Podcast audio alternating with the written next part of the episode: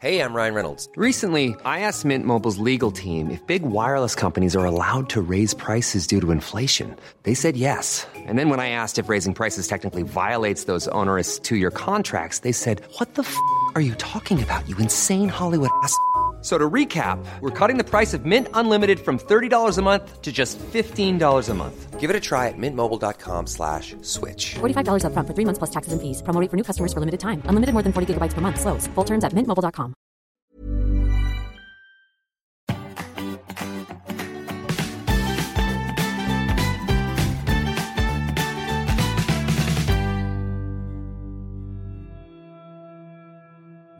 lapskaus av negative følelser da, man, eh, man får i en sånn situasjon. En familie og et stort problem. Det er skam, det er eh, følelsen av ikke strekke til, følelsen av å, eh, dårlig, å være en dårlig forelder, ikke minst. Fordi man, man finner ikke nøkkelen til dette problemet. En hverdag full av hindre og motbakker. Og så handler det om å få det til å kle på seg, spise frokost, gjøre alle disse små hverdagslige rutinene som, foreldre, som for, vanlige foreldre tar for gitt at barnet gjør, fordi at det er liksom innarbeida. Men når man har et barn med skolevegring, så må man jobbe seg gjennom alle disse små eh, rutinene i hverdagen, pusse tenner, alt mulig, fordi at det er en motstand der. Som jo handler om at barnet ønsker ikke å gå inn i det klasserommet, for der skjer det et eller annet, eh, eller der kommer de inn i en setting som er veldig vanskelig for dem. Hva skjer med en familie når barnet ikke vil gå på skolen? Hele strukturen i hverdagen eh, blir eh, ødelagt på en måte, eh, som gjør at jeg som forelder lesser over min frustrasjon på mitt barn, som gjør at barnets situasjon blir enda verre. Etter hvert som man kommer inn i det og problemet blir større og større, så er man liksom innsausa i det problemet så mye at man ikke har oversikt. Det er, det er blytungt. Det er blytungt. Man mm.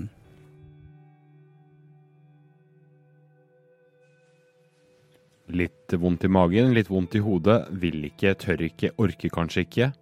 Mange vil kjenne seg igjen i disse frasene når skolen blir en vegg av vonde følelser. Du hørte nettopp en pappa sette ord på hvordan skolevegring kan arte seg, og det er altså dagens tema. Komplekse greier. Hedvig, hvordan skal man egentlig definere skolevegring? Altså, skolevegring er litt som hoste. Dvs. Si at det er veldig synlig og veldig hørbart, men det sier ingenting om hva som er årsaken, eller hva, hvordan det skal behandles.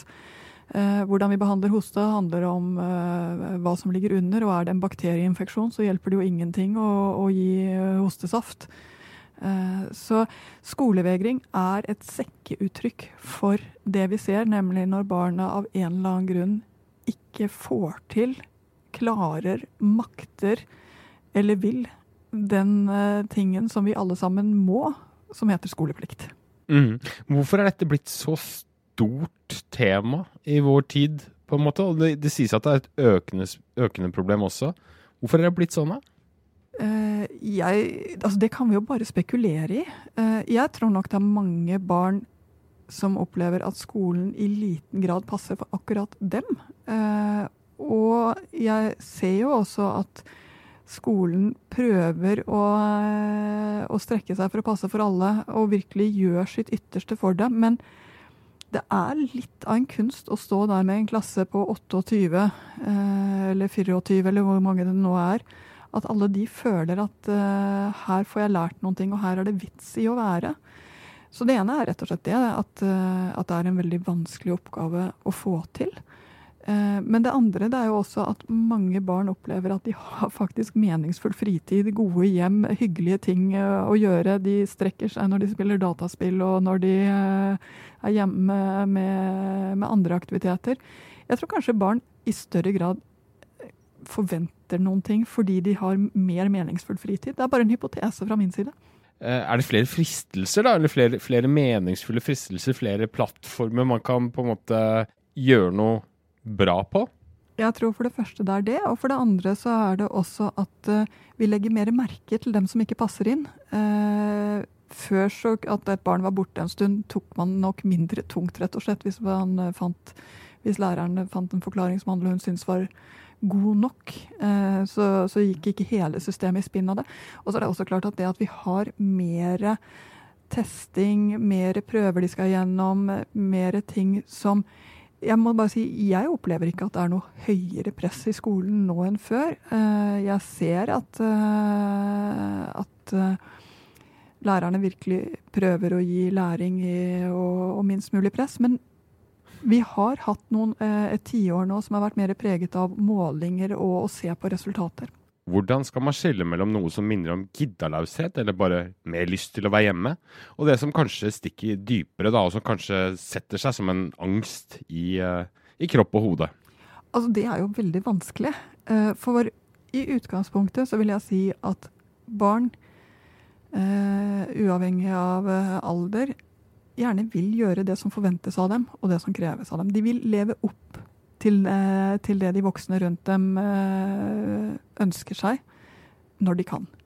Eh, når de ikke får det til av en eller annen grunn, så er det nettopp det, en grunn. Og jeg ser egentlig ikke noen veldig store skiller mellom altså, Én ting er at barna kanskje en dag har mer lyst til å, å, være hjemme og sniker seg unna, men det er ikke det vi snakker om med skolevegring. Med skolevegring snakker vi om at det må strekke seg over en viss tid. Det må være mer enn enkelte tilfeller. Og det må, må være slik at, uh, at du merker at her Det er ikke bare det at du har lyst til å være hjemme for å ta det med ro en dag, du har lyst til å være hjemme hver eneste dag. Eh, det skal mye til før du går på skolen. Og jeg ser at ofte så begynner det litt sånn, det er det som gjør det så vanskelig, det begynner litt i det små. Det begynner litt i den der lille jeg eh, føler meg ikke bra i dag, kan jeg være hjemme? Eh, for mange begynner det der. For noen begynner det at de nekter å gå. De rett og slett er ikke mulig å få med seg ut av døra. De snur og løper tilbake igjen når de kommer på skolen. Vi har barn som rømmer fra skolen så fort de har kommet dit, nesten. Sånn at det er og så ser vi at det kan være sånn i en kort periode, eh, og så går det over nesten av seg selv. Mens for andre barn så leter vi og leter vi og leter vi etter årsaker og må igjennom runde på runde på runde med uh, å skjønne hva er det som utløser det, hvor er det det går gærent, handler det om de andre elevene, handler det om læreren, handler det om uh, uh, at det skjer så mye hjemme at det er for slitsomt å gå på skolen. Altså det, det er så mange steder svaret kan ligge. Hvis man er bekymra for sitt eget barn, og du ser at hun har en del sånne hva skal man kalle det da, symptomer, og, og du merker at hun syns at, at, skolen er et sted hun ikke ønsker å være, altså hvordan skal man begynne å nøste i en sånn problematikk når det kan være så mange faktorer som liksom spiller inn? Alltid snakke med læreren først. Uh, læreren ser det fra klasseromsperspektivet, og du ser det fra hjemmet. Uh, og du trenger begge delene. Så begynn der. Begynn med å snakke med læreren. Det er alltid det første stedet å begynne. Jeg ville også, hvis uh, snakket med, med, en annen på skolen, type sosiallærer eller uh, noen som har sett dette før. For veldig ofte er det det det handler om. Noen som har sett mange barn før, og som vet litt om at sånne perioder går mange barn gjennom. For det tror jeg vi skal være veldig klar over. At vi snakker om skolevegring som det gjelder noen veldig få barn. Eh, men sannheten er at i løpet av et skoleløp så vil det være ganske mange barn som har perioder eh, hvor det kjennes uoverstigelig ut å komme seg på skolen av en eller annen grunn. Mm. Du har også en del eh, slike tilfeller, skjønner jeg, i uh, din praksis. Så hva er de typiske kjennetegnene, slik du ser det? Det jeg syns er interessant når jeg treffer disse barna, eh, og det kommer selvfølgelig en del an på alder Jeg ser at i 8-9-10-årsalderen så er det ofte en frykt som gjør at de føler at det låser seg helt for dem. Eh, hvor det å komme rundt den frykten av mye av det vi jobber med. Og den frykten er eh, redsel gone wrong, hvis du skjønner. Mm. Det er noe som har vokst seg for stort, og som kjennes uoverstigelig ut. Eh, for de litt eldre barna så er det ofte at det handler om at de ikke føler at de passer inn, og ikke føler at de har noe der å gjøre. Enten for at de ikke klarer å lære seg noe, eller fordi de allerede kan det som gjøres. Eh, for ungdomsskoleelevene så er vi, som er kanskje prime time for eh, å, å ha dette problemet, så er det jo også det veldig komplekse sosiale som spiller inn. Og også at ungdomsskoleelever er slitne, er sårbare, lette blir syke. At de rett og slett kan gå litt inn i en dårlig sirkel eh, som, eh, som, de ikke kommer ut av selv, som de ikke finner ut av selv. Eh, på videregående så ser vi igjen at det handler mye om å finne sin hylle, føle at det er meningsfullt. Eh, og hvis du ikke kjenner det, så, så er det virkelig tungt å bare gå for å gå. Du var litt opptatt av en gruppe også som du kaller litt for de stille skolevegrerne. Hvem, hvem er det? Altså, jeg tenker det finnes en, en, gruppe elever som jeg også treffer, som eh, går på skolen.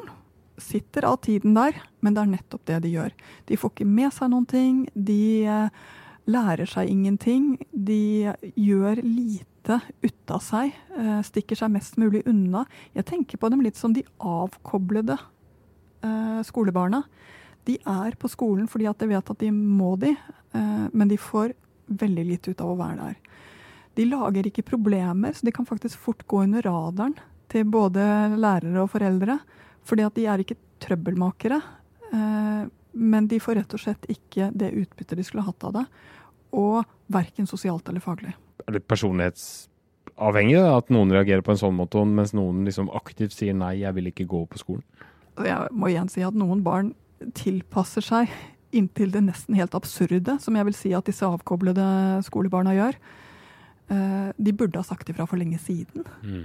Eh, mens andre barn eh, er raske med å vise at dette er ikke noe for meg, dette tror jeg ingenting på.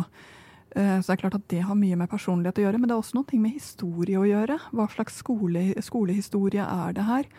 Eh, og jeg ser ofte det når jeg snakker med ungene, at eh, det er, det er alltid en historie. Det har ikke begynt den dagen de ikke ville på skolen, eller den dagen de begynte å sove i timene. Det begynte lenge før. Det som jeg har fått litt inntrykk av etter å ha lest noen saker om uh, skolevegring, bl.a. her i Aftenposten, er at det er en sånn mangel på forståelse, eller at det er en mismatch mellom skolen og hjemmet. Du sa at det første man skal gjøre, er å, å snakke med læreren. Men Kanskje har man da ulik oppfatning av hva som er problemet, og hva, hva, hvordan er det man egentlig skal håndtere det? Altså Dette er vanskelig, fordi det som vi så på vakkert kaller skole-hjem-samarbeid, ja. eh, utvikler seg ofte til et skole-hjem-blame game. Ja. Eh, det vil si at man sitter og skyver ansvaret frem og tilbake over dørterskelen. Foreldrene syns at dette må skolen håndtere, dette må de finne ut av. Det er jo tross alt i skoletiden, og de kan jo ikke være der. Eh, og skolen syns at dette må hjemmet håndtere. Det er de tross alt som skal få barnet på skolen. Skolen kan ikke komme hjem og hente barna. Og så sitter man der og skyver ansvaret frem og tilbake, som faktisk gjør situasjonen enda mer fastlåst uh, for barna. Så det første jeg alltid prøver å få til, det er å si OK, dette handler ikke om hvem som har skyld. Uh, det handler om at vi har et barn som ikke opplever at matchen er god, sånn som den er nå. Det er noen ting hindrer dette barnet i å gjøre det som alle andre barn gjør, og barn vet det. Alle andre går på skolen, de vet det. Noen ting stopper dette barnet fra å gjøre noen ting som hele resten av samfunnet gjør. Og det noe er eh, til tider en nødt til å finne ut av, men det er der alltid. Jeg har ikke vært borti én sak hvor det ikke har vært en grunn. Mm. Men om den grunnen er en uoppdaget melkeallergi, eller om det er en uoppdaget dysleksi, eller om det er at uh, morfar døde og nå er uh, barnet redd for å være borte fra foreldrene. Det, altså, det er det så ekstremt store variasjoner i. Og det er kanskje også derfor det er lett å gi opp og tenke at det bare er barnet som er umulig, eller det bare er foreldrene som er umulige. Men jeg har ikke vært borti det, at barnet har vært umulig. At det har vært saken. Mm. Det er det å finne disse andre tingene. Og foreldre gjør sitt beste, eh, men det er det er også vanskelig når man opplever at skolen ikke hører, eller at de ikke blir forstått når man tar opp ting, som jo godt kan skje når du tar det opp med læreren. Så er det også vanskelig å ha den tilliten til å si ja, vet du hva, det blir bra, gå på skolen, når du kjenner at de ikke engang forstår deg. Mm. Eh, og jeg tror nok også, altså du spør om hva gjør at det er økende, jeg tenker av og til at denne økingen i byråkratisering, hvor alle sammen er opptatt av å ha sin egen rygg fri, faktisk gjør at vi har flere barn hjemme enn det vi trenger. Fordi det lager en mistillit eh, på noen ting som er helt nært. Som handler om å stole på at her kan jeg levere mitt barn i porten, og det er et ålreit sted å være, og hvor barnet kan føle her er det noen som forstår meg når jeg har det vanskelig. Det begynner å bli litt sånn uh, forslitt, dette begrepet, men det, føles jo naturlig å bringe det opp likevel. Dette med generasjon prestasjon og prestasjonsjaget i vår tid osv. Hva tror du, Hvilken sammenheng har det med at det synes å være en økning da i uh, fenomenet skolevegring? Må jeg bare si at jeg tror nok vi alltid har hatt barn som har ønsket å gjøre det bra. Uh, og vi har alltid hatt prøver og, og, tester i skolen. Det er ikke noe nytt i det. Men jeg tror nok at opplevelsen av at det er nå det gjelder, uh, hadde vi en periode hvor det ble sagt veldig mye fra de voksne på skolen til barna. Det er nå det gjelder, det er nå du må gjøre bra. Nå er det snart mellomtrinnet, nå er det snart ungdomsskolen, nå er det ungdomsskolen, nå er det snart videregående, nå er det karakterer. Nå at det, det står mye på spill hele tiden? Ja, at det blir liksom satt på spissen hele tiden. Sannheten er at det er en grunn til at barna går på skolen i så mange år, og det er at det tar mange år å lære seg ting. Det trengs mye repetisjon, og vi har den tiden. Uh, og jeg tenker også Det er også viktig å være klar over at når man står der med et barn som ikke vil akkurat nå, så ikke det, betyr ikke det at det går dårlig i livet for den eleven. Stort sett så kommer det faktisk til å gå kjempefint på et eller annet tidspunkt. Uh, men det er viktig å gi rom for at ok, men da lærer vi oss dette hjemme så lenge. ok, Men da fyller vi på med den kunnskapen, sånn at ikke kunnskapshullet blir for stort.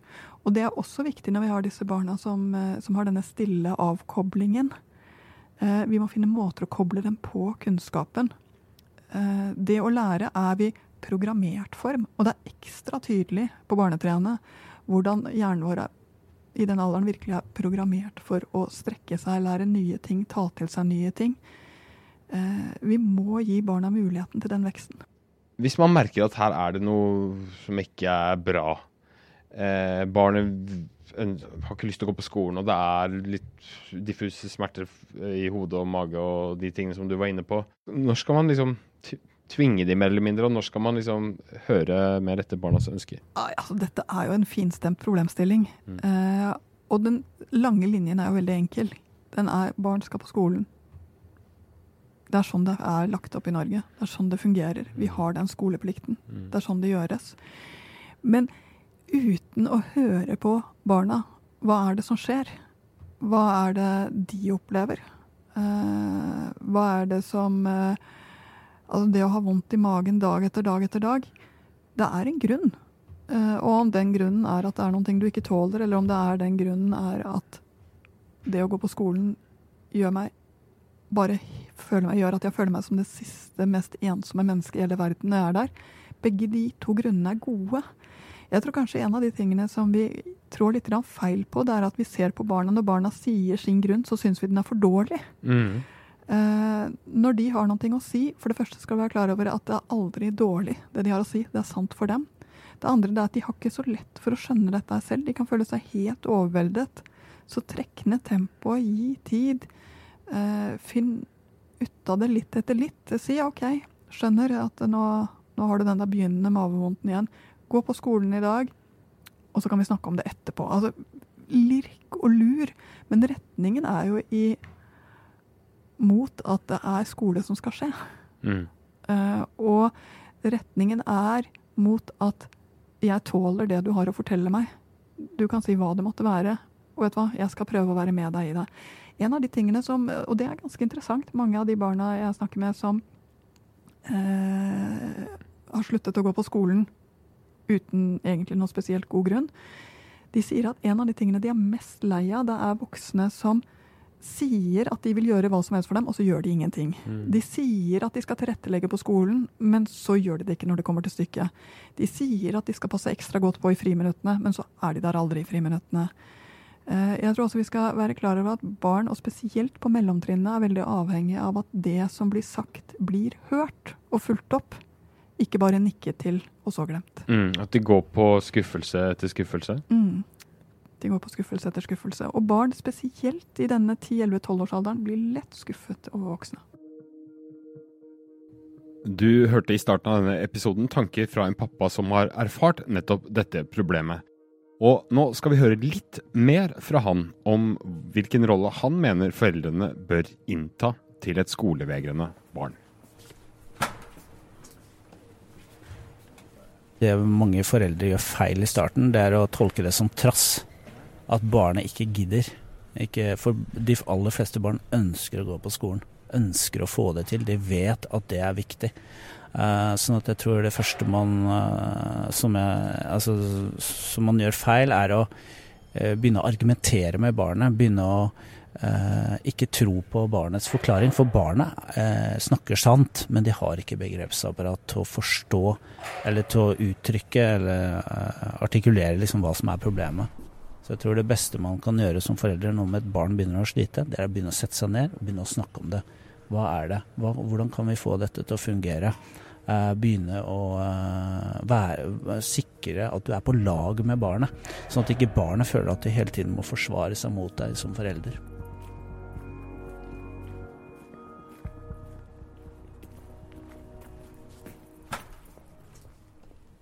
Men for å ta den litt mer positive vrien, da. Hvordan skal man motivere barn til å gå på skolen? Altså, eh, og det trenger ikke nødvendigvis gjelde at man Dette med skolevegring og sånn, men altså sko skolearbeid generelt. Altså at, at, skolen er et fint sted å være.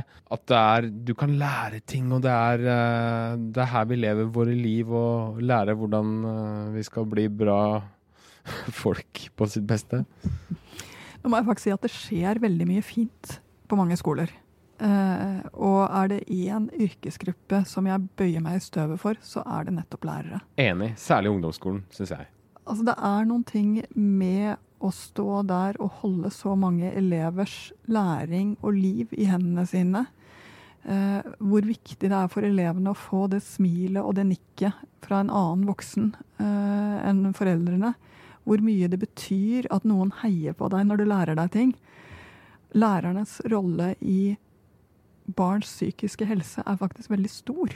Uh, og vi har lett for å tenke på at det de gjør, er å lære bort. Men det å lære bort er nettopp å gjøre bedre. Det å lære bort er å gjøre selvstendig. Det å lære bort er å gi muligheten til et liv.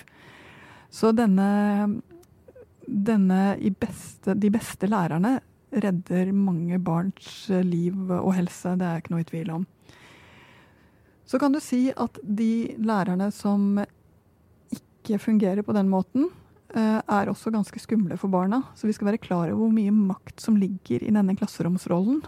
Eh, og vi skal være klar over at vi kan få lærere som har kjempedårlig match for vårt eget barn. Mm. Eh, og det tror jeg alle foreldre er borti. På et eller annet vis. Og må si ting av typen 'jeg vet' naturfagslæreren og du er nok ikke den beste matchen, men hun har noe nyttig å komme med. Prøv å høre på det, og ikke tenk for mye på hvordan hun er. Og tenk at sånne mennesker finnes der ute. Du må lære deg å håndtere dem på et eller annet vis. Altså, Oppmuntre barnet ditt til å finne noen ting, også når det er litt vanskelig. Mm. Eh, la læring bety noe hjemme. Snakk om læring, lek læring. Eh, vis frem egenkunnskap. Eh, det betyr noen ting. Eh, legg til rette rette, sånn at dere kan jobbe med skolefag uten at det bare blir negativt og bare blir mas. Og hvis det bare blir negativt og bare blir mas, ta et skritt tilbake igjen og spør om råd og hjelp. Eh, sånn at, ikke, sånn at det ikke er du som ødelegger læringen i måten dere gjør lekser eller måten dere håndterer kunnskap på hjemme.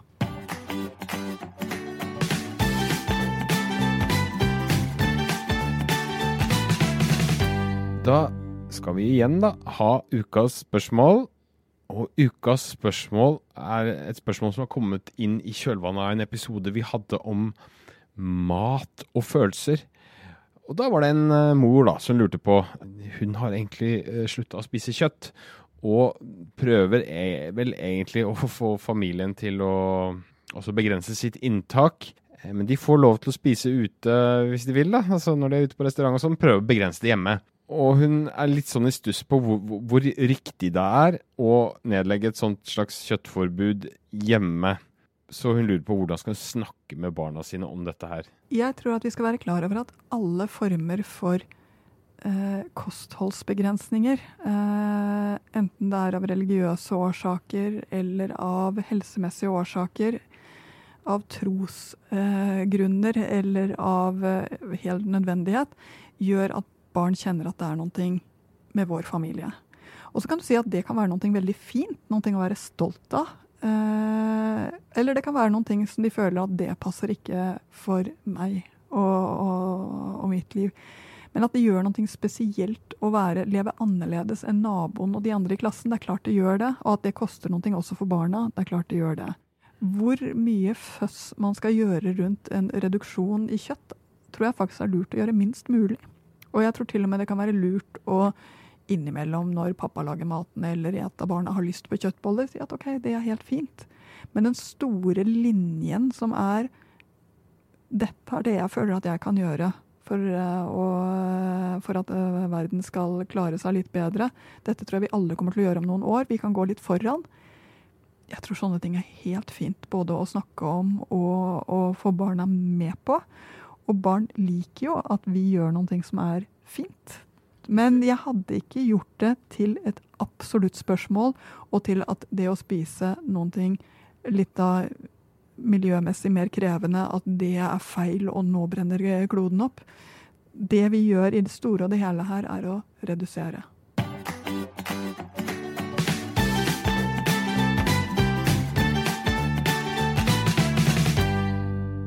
Hedvig Montgomery, vi har snakket om uh, dette fenomenet skolevegring i dag. Hva er de tre beste rådene? Altså Det første er ha litt tillit til at det kommer til å gå over det er en fase for mange barn og unge uh, som krever at du ikke blir for redd. Ikke får panikk av det. Mm. Slik som dette skjer, og mest sannsynlig skjer det en eller annen gang i løpet av 13 års skolegang. Mm. Det andre det er Du vet kanskje ikke hva det handler om, men det handler alltid om noe. Uh, det å tenke etter selv, høre bedre etter, være mer åpen for hva det kan være, uh, det er du faktisk nødt til. Det tredje det er at det å lage en hverdag som går mest mulig opp, sånn at barna har, er våkne nok til å komme seg på skolen, har tid nok til å komme seg av gårde om morgenen, får forberedt seg sånn at det kjennes ålreit å gå på skolen. Altså rett og slett å lage de rammene rundt at, eh, at skole kan fungere. Det, det, er det foreldrene som må gjøre. Ingen andre kan gjøre det. Og så for all del, ikke tenk at dere har gjort noe galt, eller at det er noe øh, katastrofe i dette. Snakk med andre om det, søk hjelp. Det var fire gode råd. Kjempebra. Hva er den største fella man øh, kan gå i her, da? Den største fellen man kan gå i, er øh, å bli sint. Uh, og det tror jeg faktisk er mye lettere enn det det høres ut som. Fordi man blir jo oppgitt om morgenen der du står og selv skal du på jobb, og du har ikke tid til dette her. Uh, men det sinnet og frustrasjonen over at barnet ikke gjør som du sier, dytter sannsynligvis barnet enda lenger inn på barneværelset. Det var det vi hadde i eh, dag eh, og for denne uka. Håper du fikk noe ut av det. Vi håper også vi høres igjen neste uke. Ha det bra.